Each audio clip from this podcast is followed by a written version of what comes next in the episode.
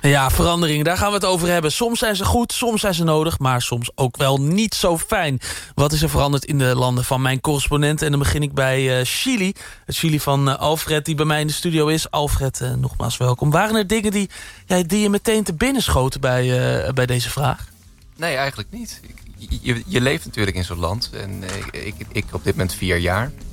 Dus dan moet je eens even nadenken. Hoe zat het ook alweer? Veranderingen gaan geleidelijk. Dus ik, nou ja, het was toch eigenlijk wel zo. Maar als je terug gaat denken, dan ja, er zit toch best wel een, uh, een leuke ontwikkeling in. Ja, vertel. Uh, we, we, moeten het in ieder geval hebben over de drukte of over uh, het verkeer. Ja, nou, dan is het ook een beetje het kleine jongetje in de grote stad. Hè? Maar het is even wennen om in een miljoenenstad te wonen. De jongen uit Assen? Ja, ja Assen heeft nog lang geen miljoen inwoners. Maar Nee, als je, als je dan in zo'n stad komt wonen... dan is dat een, een uh, waar, je, waar je met veel ontzag naar kijkt. Ja, en waar je dan vervolgens ook in moet gaan bewegen. Dus dat, dat was al heel bijzonder. Maar het is gewoon steeds drukker geworden. Er zijn steeds meer uh, passagiers in de metro, uh, andere bussen. Het wordt steeds gekker en gekker. Maar wat je vooral ziet is gewoon hoeveel er gedaan wordt... om maar zoveel mogelijk auto's op die wegen te krijgen. Ja. wat wordt er voor gedaan dan? Nou ja, we hadden natuurlijk al het hele feest van, van uh, alle eenrichtingswegen. Bijna elke straat in, in Santiago is een, uh, is een eenrichtingsstraat. Ja, daar heb je wel eens over verteld. Ja. ja. En ook de straten die dan tijdens de dag uh, van richting veranderen. Hè. Dus s ochtends gaat het die kant op en s avonds gaat het de andere kant op. Mm -hmm. Dus je moet heel goed nadenken welke routes je, je neemt. Maar wat je vooral merkt is dat ze nu steeds meer gaan doen... om ook, ook capaciteit van zo'n weg te vergroten. Dus allerlei creatieve oplossingen die op andere plekken in de wereld ook al bestonden... en die ze nu in Chili in het wegennet inbrengen.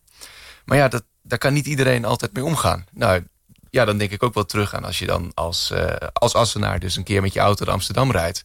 Ja, er zijn allemaal hele logische dingen die, die een local natuurlijk perfect begrijpt. Dus ergens links voorvoegen om rechtdoor te gaan... want de rest gaat allemaal rechtsaf. Ja. Uh, grote rotondes, wat, wat was die grote rotonde in Nijmegen bijvoorbeeld ook alweer. Uh, ja. Dat, ja, als, je, als, je het, als je het gewend bent, dan lukt het allemaal wel. Maar zo niet, ja, dan is het toch wel heel spannend. Nou, dat heb je dus in Chili ook. Uh, je, hebt, hebt grote, grote weefvakken waar je dus tegelijk invoegt en uitvoegt. En mensen begrijpen dat gewoon niet. Die gaan het begin van zo'n vak stilstaan... en dan wachten ze rustig tot ze, tot ze de weg op kunnen. Uh, natuurlijk ontzettend veel frustratie van de auto's daar weer achter... die allemaal ook uh, de weg op willen en het wel snappen. Ja, en met name die rotondes. Het is één groot feest. Hè? Je, je moet als je drie kwart wil even invoegen naar het midden toe... En dan min of meer uh, op, op hoop van zegen je auto langzaam weer naar die rechterkant laten zakken. Ja, en als een ander gewoon het hele rondje in de rechterbaan rijdt... dan, uh, ja, dan staat zomaar zo'n heel verkeersplein vast. Ja. Ja, en het idee was om, om de capaciteit van zo'n weg natuurlijk uh, maximaal op te voeren.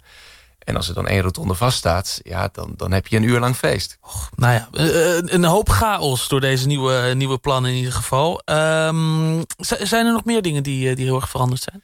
Ja, wat mij, wat mij wel opviel, hè, we hadden het aan het begin van het uur al even over uh, veel immigratie. Nou, je ziet eigenlijk dat Chili altijd een land is geweest wat een beetje naar, met de rug naar de wereld staat. Hè, de Andes aan de ene kant, de woestijn aan de andere kant en dan de Stille Oceaan nog. Dus veel contact met, uh, met andere landen. Mooi afgelegen.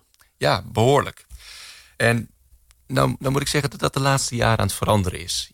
Toen ik kwam merkte ik wel heel erg dat eigenlijk mensen niet snapten... dat je dingen niet deed zoals zij. Dus zoals de Chileen het doet, zo gaat het.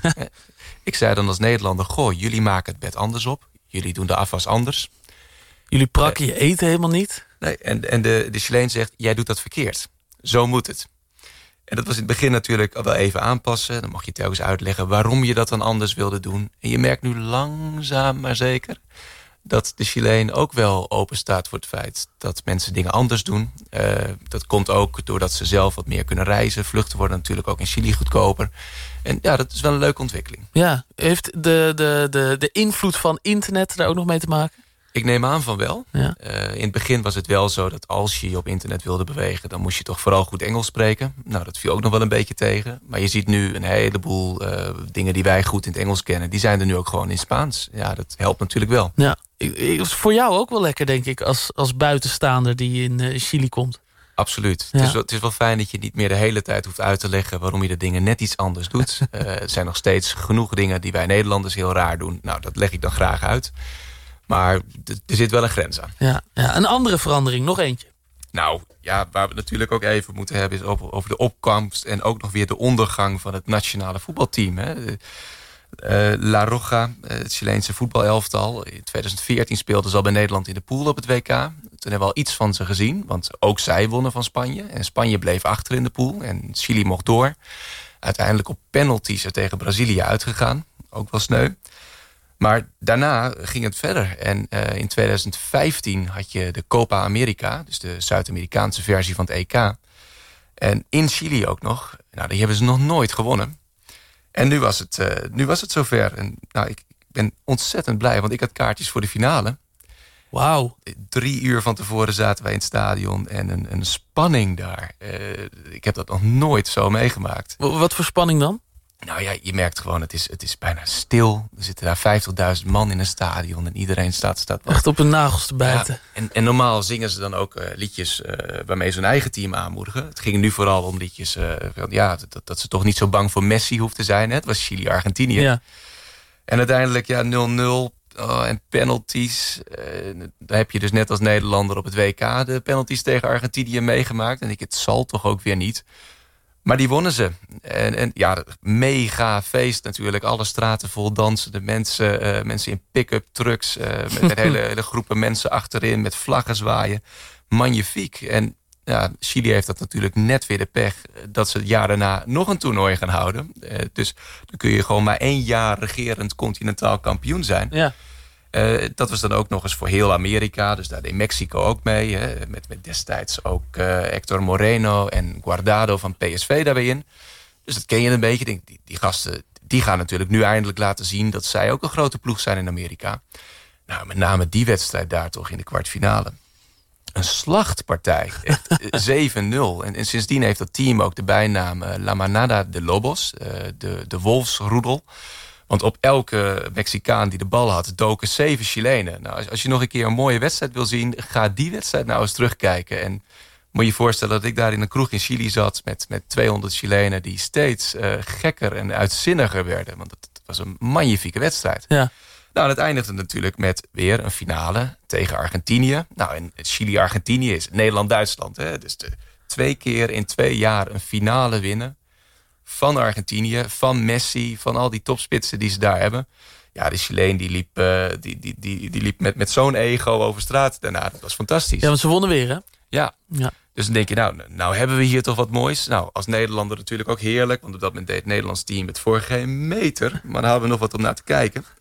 Maar ja, ook daar zit het verval al meteen weer in. En toen was er ineens een, een WK-kwalificatie. En oh, dat ging allemaal niet zo lekker. Maar dat zou allemaal wel goed komen. Want we hadden zulke goede spelers.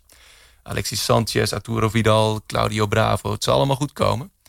Maar het kwam dus niet goed. En, en toen ging ineens Peru wel naar het WK. En Chili niet. Nou, en dat is dan weer een beetje hetzelfde als Nederland en België. Dus we hebben, we hebben me toch een partij hoongelachen over ons heen gehad daar. Dus ja, wij zitten nu een beetje waar Nederland twee jaar geleden zat. Ja, ja een grote verandering in het, uh, in, in het Chileense voetbal. Um, ja, het is, uh, het is spijtig. Maar Alfred, kijk, kijk naar Nederland. Wij zijn er ook weer bovenop gekomen.